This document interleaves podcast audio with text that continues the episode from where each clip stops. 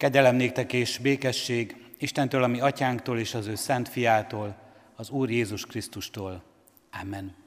Foglaljunk helyet, testvérek, szeretettel köszöntöm a gyülekezetet, Isten tiszteletünkön köszöntöm mindazokat, akik az, akár az interneten, vagy majd később a Kecskeméti televízió adásán keresztül kapcsolódnak be az Isten tiszteleti közösségbe. A 165. dicséretünk éneklésével kezdjük Isten tiszteletünket.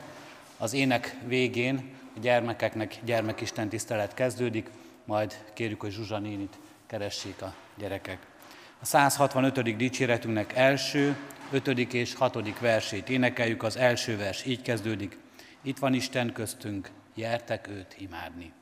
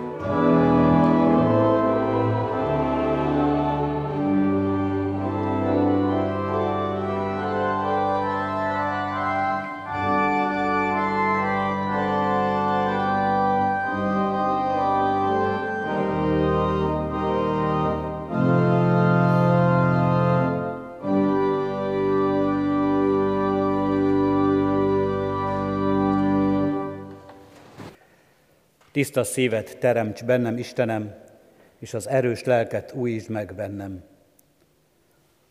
Isten tiszteletünk megáldása és közösségünk megszentelése jöjjön az Úrtól, ami Istenünktől, aki Atya, Fiú, Szentlélek, teljes szent háromság, egy örök és igaz Isten. Amen. Imádkozzunk.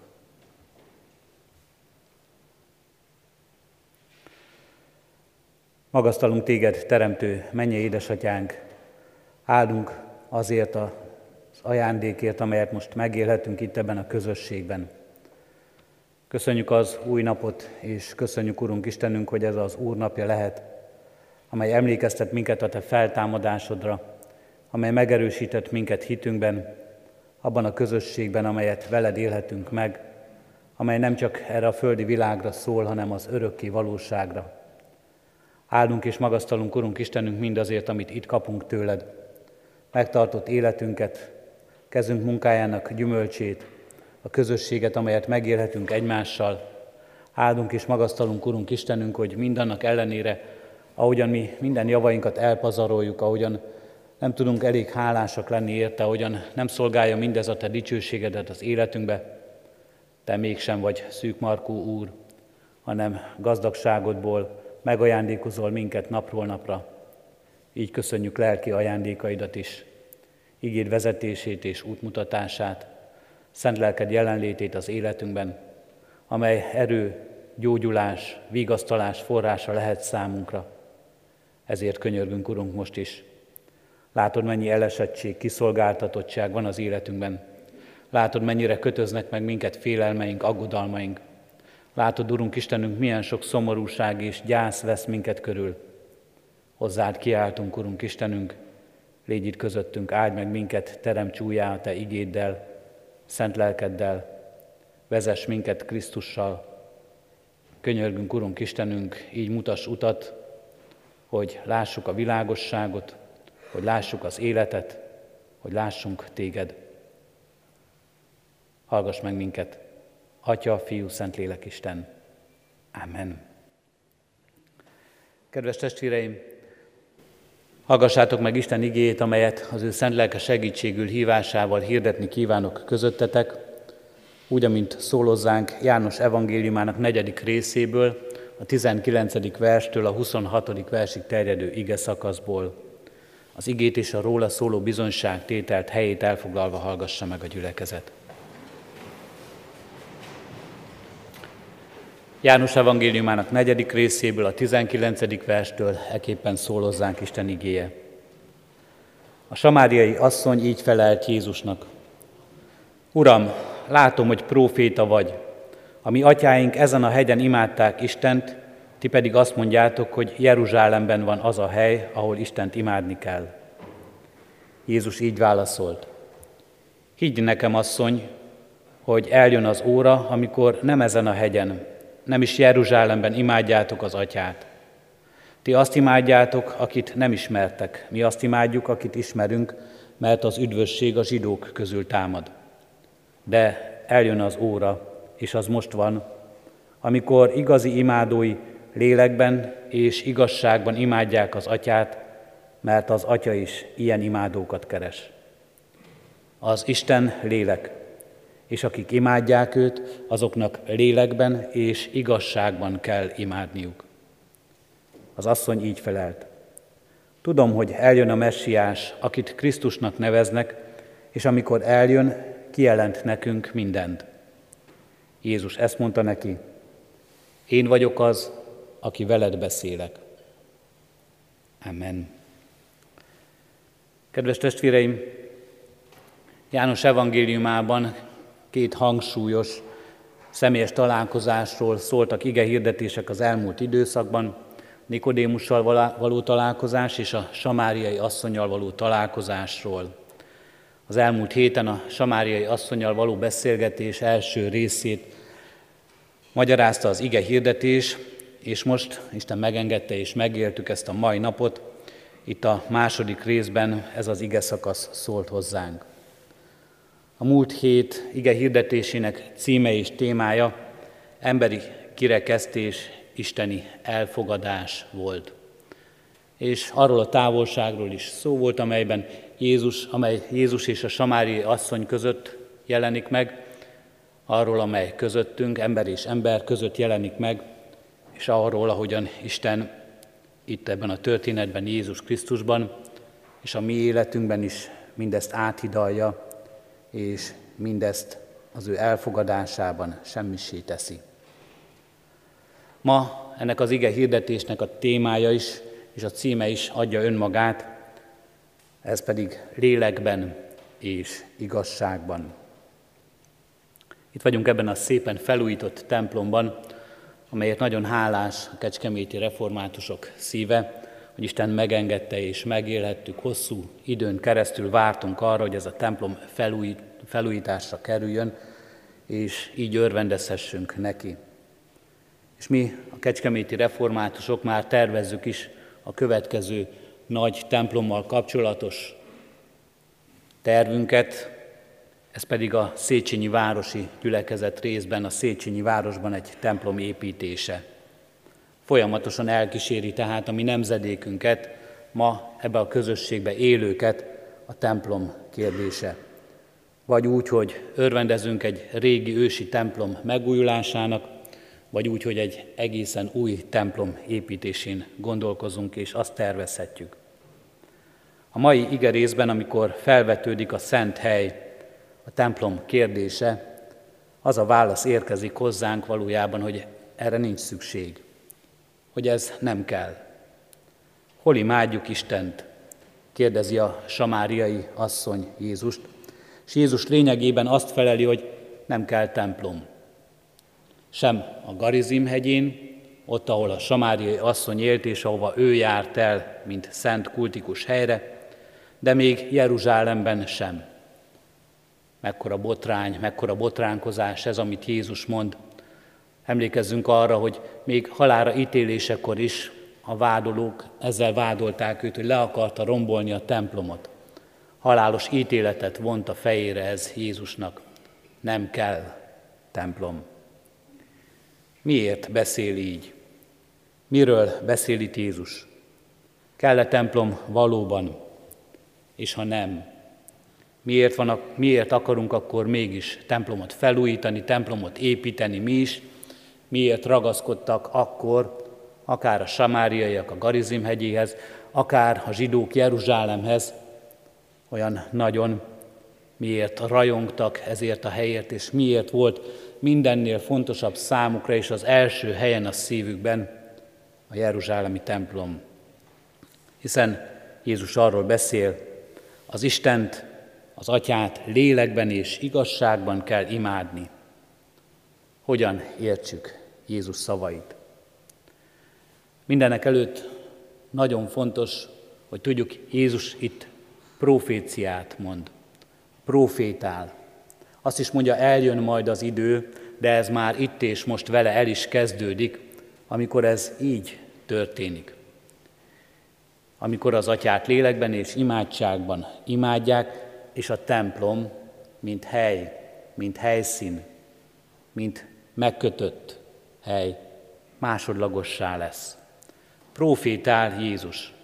Az ószövetségi profétákhoz is hasonlóan szól a templomról. Mindenek előtt azt is fontos látnunk, hogy például a templom elődjét, a szent sátor építését Mózesnél maga Isten rendeli el. Azután a Jeruzsálemi templom építésénél is Isten maga mondja el, hogy milyen legyen ez a templom, hogyan nézzen ki, szinte a legapróbb részletekig megszabva annak méretét, küllemét is. De azután Isten küldi azokat a profétákat is, akik a templom pusztulásáról jövendőlnek majd, hogy elpusztul ez a templom.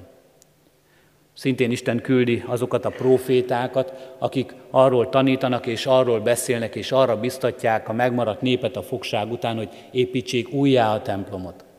Hogy ez a templom majd megújul és újjá kell építeni, mert szükség van rá.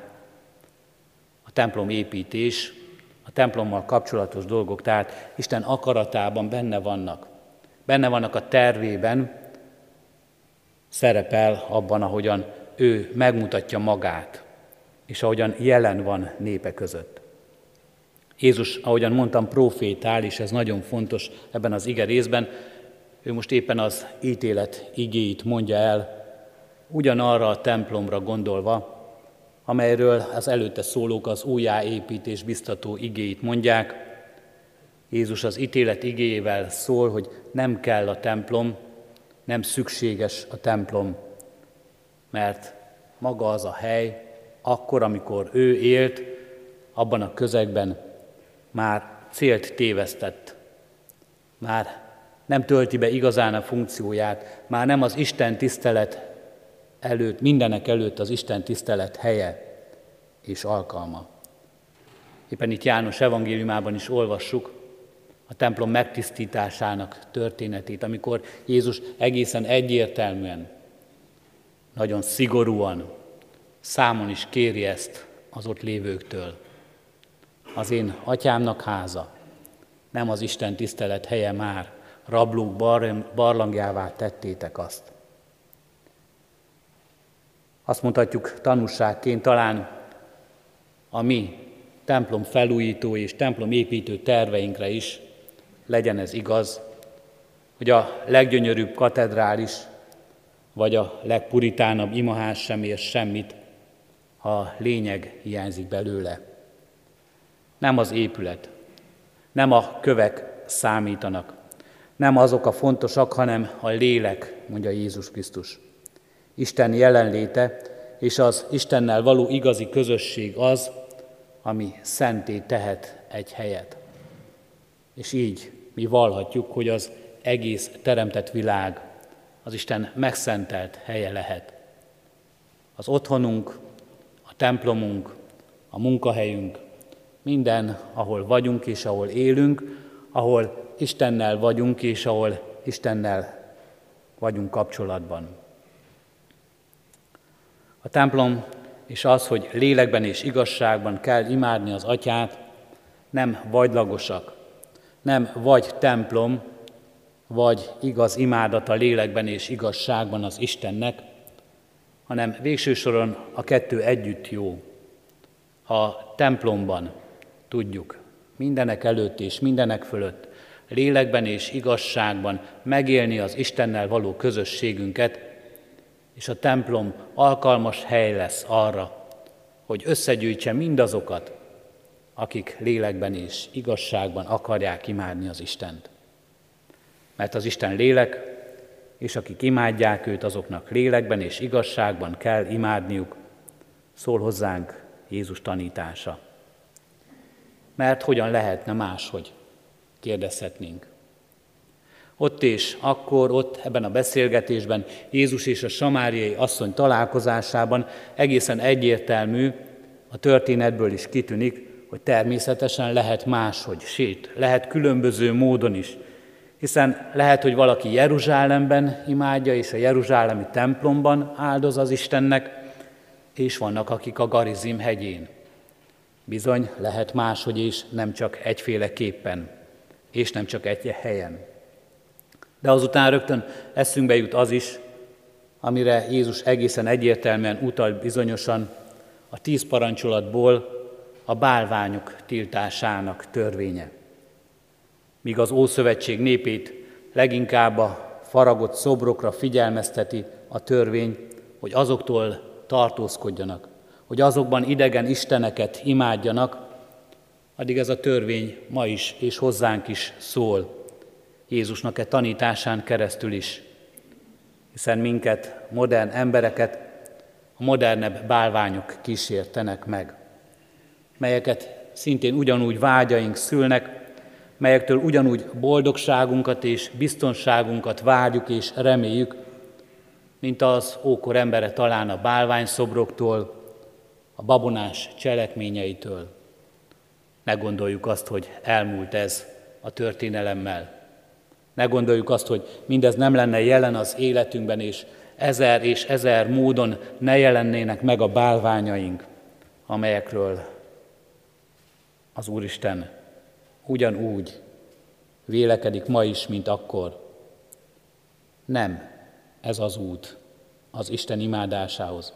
Nem ebben fogjuk megtalálni boldogságunkat és biztonságunkat, ma is igény tart, hogy ő legyen az első, és ő legyen mindenek fölött. Mennyi és mennyi kísértés, mennyi és mennyi bálvány jelenik meg az életünkben ma is. Keresi az ember mindezt sikerben, anyagi biztonságban. Keresi ma is sok ember csillagokban, fűben és fában, szinte mindenben. Hogy legyen egy könyvajánló is ebben az ige hirdetésben. Timothy Keller Bálványok című könyvében számos ismert és rejtőzködő bálványát jeleníti meg a modern ember életének, hamis Istent leplez le az életünkben. Érdemes elolvasni, néhányat talán saját magunk is azonosítani tudunk saját életünkben. Mennyi és mennyi bálványa a modern embernek, amelytől biztonságot, boldogságot remél, amelybe veti bizodalmát, az egész életét és jövendőjét. Tudomány, az ember, a szeretet, amelyet sokszor hangoztatunk, az ember szeretete, micsoda kedves dolog, és a szívünknek is milyen kedves a filantróp ember képe ebben a világban, de majd, hogy nem bálványá is válhat bennünk egy ilyen emberkép, megelőzve az Isten képét. Az Isten lélek, és akik imádják őt, azoknak lélekben és igazságban kell imádniuk, mondja Jézus. Fölvetődik a kérdés, kinek a lelke és kinek az igazsága az, amiről Jézus beszél. Isten lelke, vagy a mi lelkünk, és nekünk kell a mi lelkünk által imádnunk őt. Isten igazsága, vagy a mi igaz cselekedeteink által kell az Istent tisztelnünk és imádnunk. Erre is igaz az, hogy nem zárhatja ki ez a kettő egymást az életünkből. A lélekben, amikor Jézus erről beszél, akkor nem csak az Isten lelkéről szól, de mindenek előtt arról, mert Istent imádni igazán csak a Szentlélek által lehetséges. A Szentlélek tanítása és a Szentlélek közössége által, nem pedig a saját pszichénk, érzéseink, akaratunk irányításán keresztül, mert az bizony sokszor megcsalhat minket. De Isten az ő szent lelk által mégis bennünk és általunk akar munkálkodni. Bennünket szül újjá, általa tudjuk valóban megérteni és megcselekedni, megérezni, mi az Isten akarata, mit kell tennünk, és általa tanuljuk meg, hogy mi az Isten igazsága, és mi vezéreljen bennünket. És így az igazságra is igaz, hogy nem a saját törvényekünk, akarataink kell, hogy irányítsanak bennünket, mert milyen sokszor mindebben az Istenre is hivatkozva valami egészen szörnyű dolgot cselekszünk nem saját törvényeink, hanem az Isten igazsága kell, hogy megszabja a saját törvényeinket. Az Isten igazsága kell, hogy vezesse azt, amikor mi keressük ebben a világban a jót, a helyeset, és amikor törvényt alkotunk magunknak, ez kell, hogy vezessen bennünket, és ezt kell, hogy példaként állítsuk mások elé. Lélekben és igazságban, az Isten lelke és az Isten igazsága a mi lelkünkön és a mi igazságunkon keresztül munkálkodva ebben a világban teremti meg Isten igaz imádatát és dicsőségét. A kedves testvérek, lélekben és igazságban ez a kettő össze is tartozik. És Jézus azt mondja, ne is váljon el ez a kettő egymástól, mert az szintén kárára van, nem csak az Isten dicsőségének, hanem az egész életünknek. Gondoljuk csak el, mi mindent teremhet ebben a világban a lelketlen igazság. Jézusnak mennyi vitája volt a farizeusokkal, az úgynevezett törvényeskedőkkel, akik csak a törvényt nézték, és lelketlenül akartak igazságot tenni ebben a világban, úgyhogy nem vezette őket az a könyörület és az az írgalom, amelyről éppen az Isten közösség vállalása szól, amelyről éppen Jézus Krisztus léte szól. Ezért lélekben és igazságban azt mondja Krisztus, ne legyen lelketlen az igazságotok, ne legyen szeretet nélküli, ne legyen megbocsátás nélküli, ne legyen csak törvényeskedő, paragrafus szerű, sem az Isten követésetek, de az életetek sem. Legyen benne ott a lélek, az Isten lelke, amely éppen felétek megbizonyítva, éppen a ti életetekben szeretetről, megbocsátásról, elfogadásról szól. Éppen a samáriai asszony története, ahogyan hallottuk ezt a múlt héten, milyen sok mindenben tanít erről minket. Lélekben és igazságban ne legyen lelketlen az igazságotok, de ne is legyen elvtelen a lelkiségetek. Ne is öntsetek le mindent azzal a szeretettel, annak a szeretetnek az érzésével, amely nem tud következetes lenni, amelyben nincsenek határok, és amely nem tud dönteni jó és rossz között, és amely nem is akar dönteni jó és rossz között, amelyben minden mindegy, amelyben akár minden viszonylagossá is válik, vagy minden egyformává. Ne legyen elftelen az igazságotok, mert az Isten ezért adja igéjét, igazságát, tanítását, hogy ebben előre vezessen titeket. Mert az Isten ezért mutatja meg törvényét, amelyben láthatjátok jó és rossz között a különbséget. Mert az Isten ezért adja lelkét is, az igazság lelkét, hogy vezessen általa titeket. Mi az ő akarata, mi az, ami szerinte jó az életetekben, és mi az, ami rossz, amitől el kell fordulni, amelyet el kell hagyni. Az Isten lélek, és akik imádják őt, azoknak lélekben és imádságban kell imádniuk. És igaz ez az Isten tiszteleteinkre. Igaz ez a helyre, ahol összejövünk. Igaz ez az egész életünkre, és igaz ez a bensőnkre, az érzéseinkre, a gondolatainkra is, mert mindent áthat az, hogy az Isten lélek és a Szentlélek közössége vezeti azokat, akik igazán imádják őt. Így valósuljon ez meg. Így legyen igazzá az életünkben most, az Isten tiszteletünkön, a hétköznapi Isten tiszteleteinken, odahaza a családi közösségeinkben, a munkánkban, bárhol az egész életünkben. Így imádjuk Istent, így szolgáljuk az ő dicsőségét, lélekben és lélek által, igazságban és igazság által. Amen. Hajtsuk meg fejünket, és egy rövid csendességben az orgona zenéjét hallgatva gondoljuk tovább mindazt, amiben Isten lelke szólt most hozzánk ezen az igén keresztül.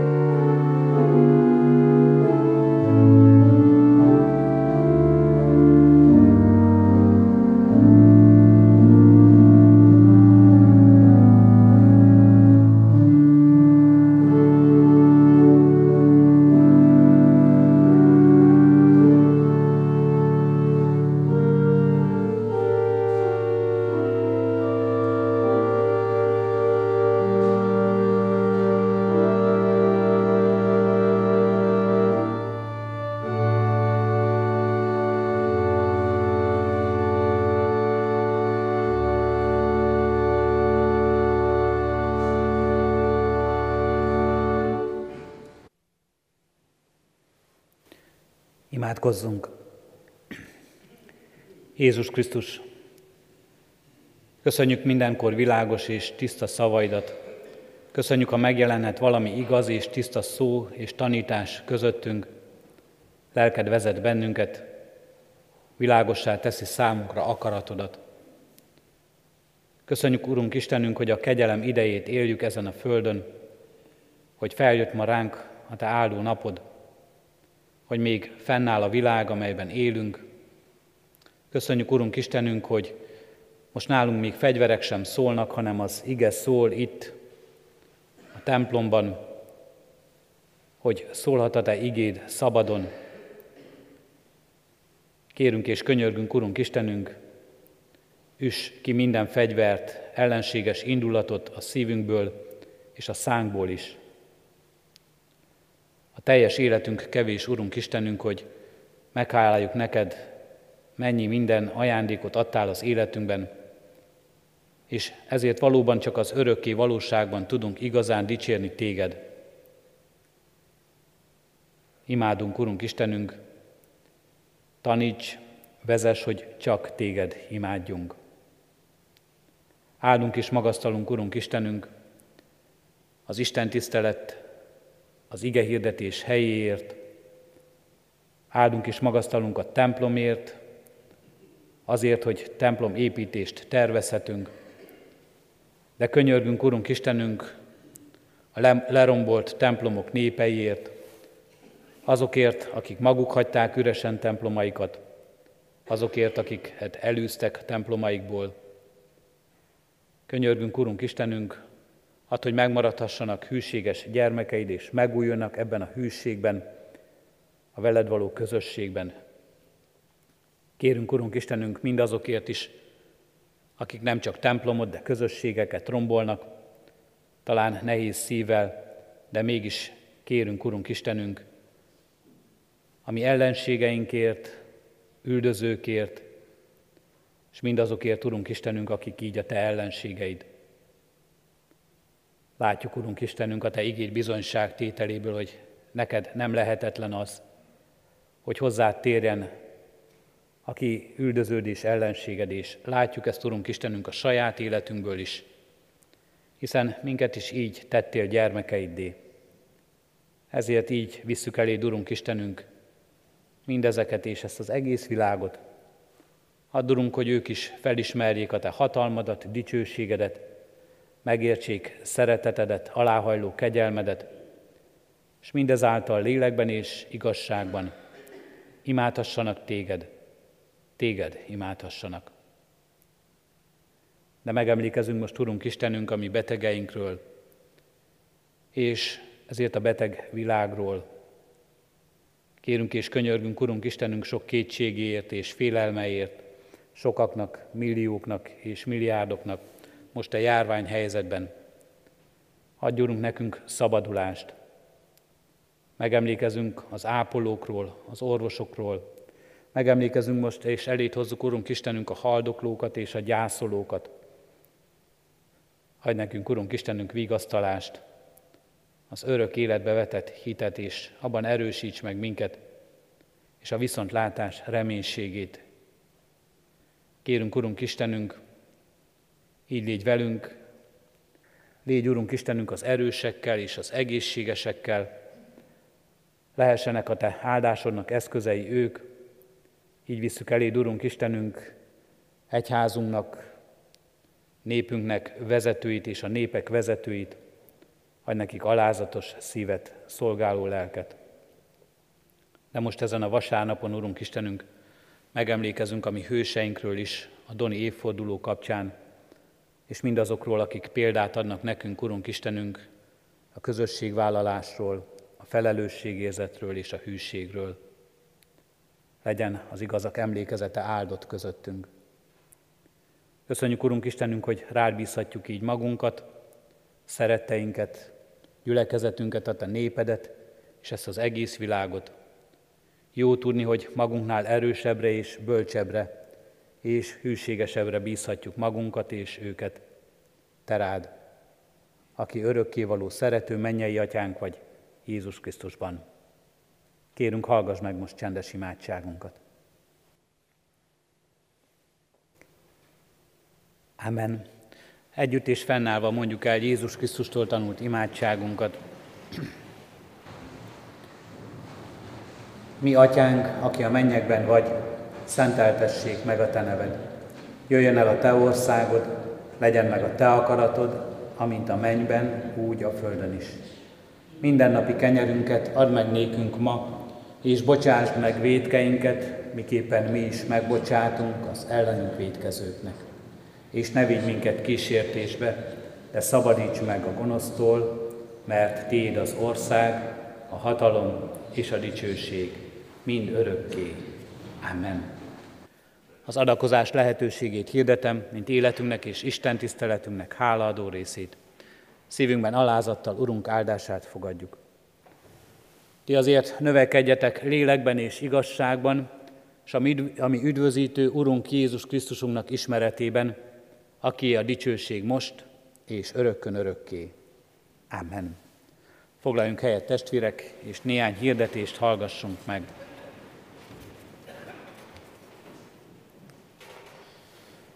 Bár nyomtatott hirdetőlapokat most a templom kiáratánál nem találunk, de egyházközségünk honlapján és a közvetített Istentisztelet YouTube csatornáján is jelezzük, hogy hol lehet megtekinteni az interneten gyülekezetünk híreit, tájékozódjunk erről, hogy így is több információ jusson el hozzánk alkalmainkat illetően.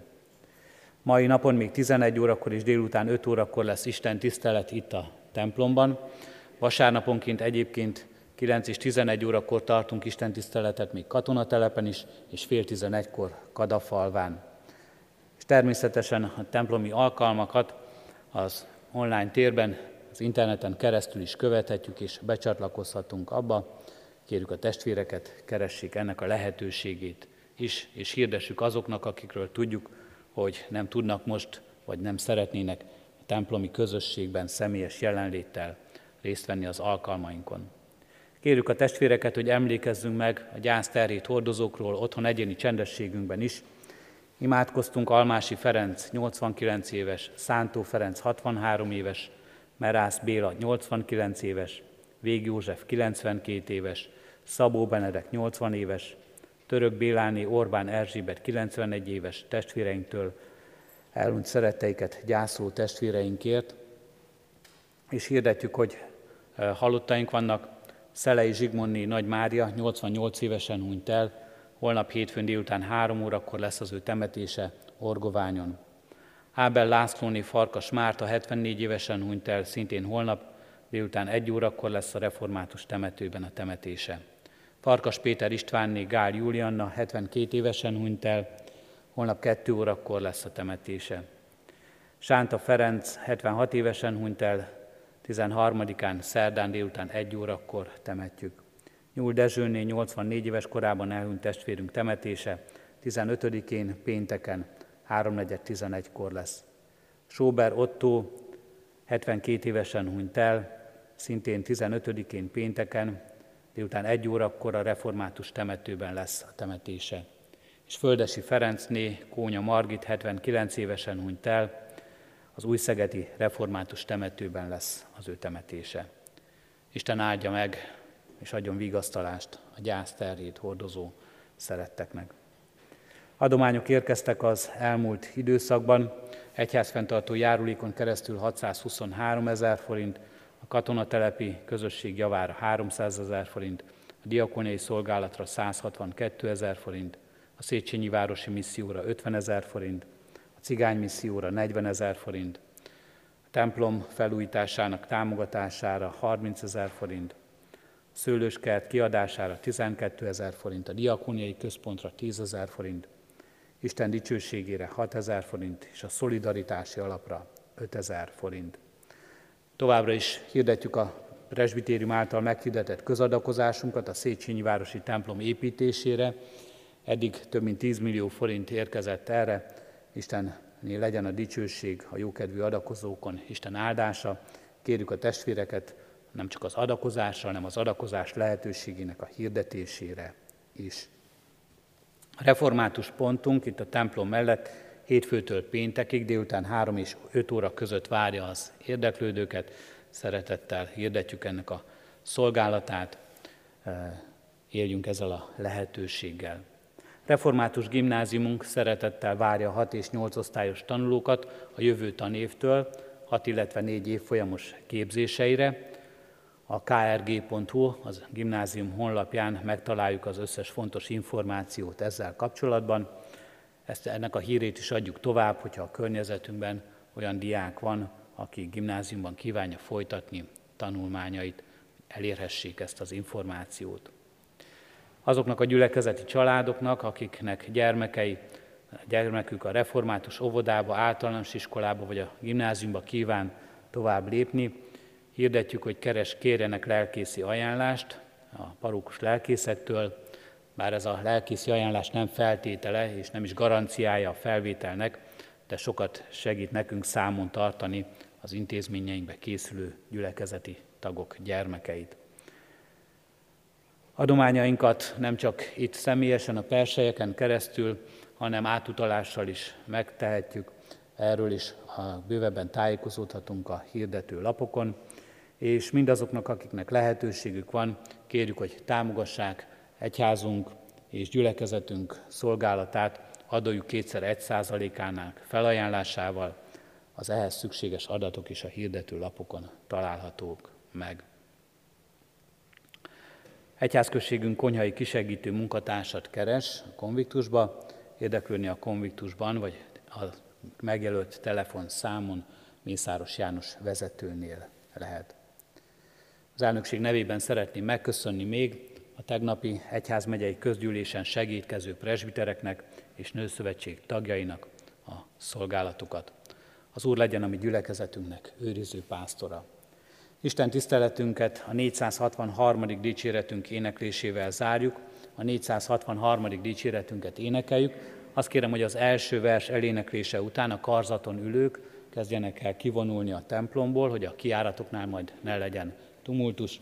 Énekeljük végig, mind a négy versével mi itt lentülők az éneket. A 463. dicséretünk így kezdődik. Isten élő lelke jöjj, áldva szállj rám. Thank you.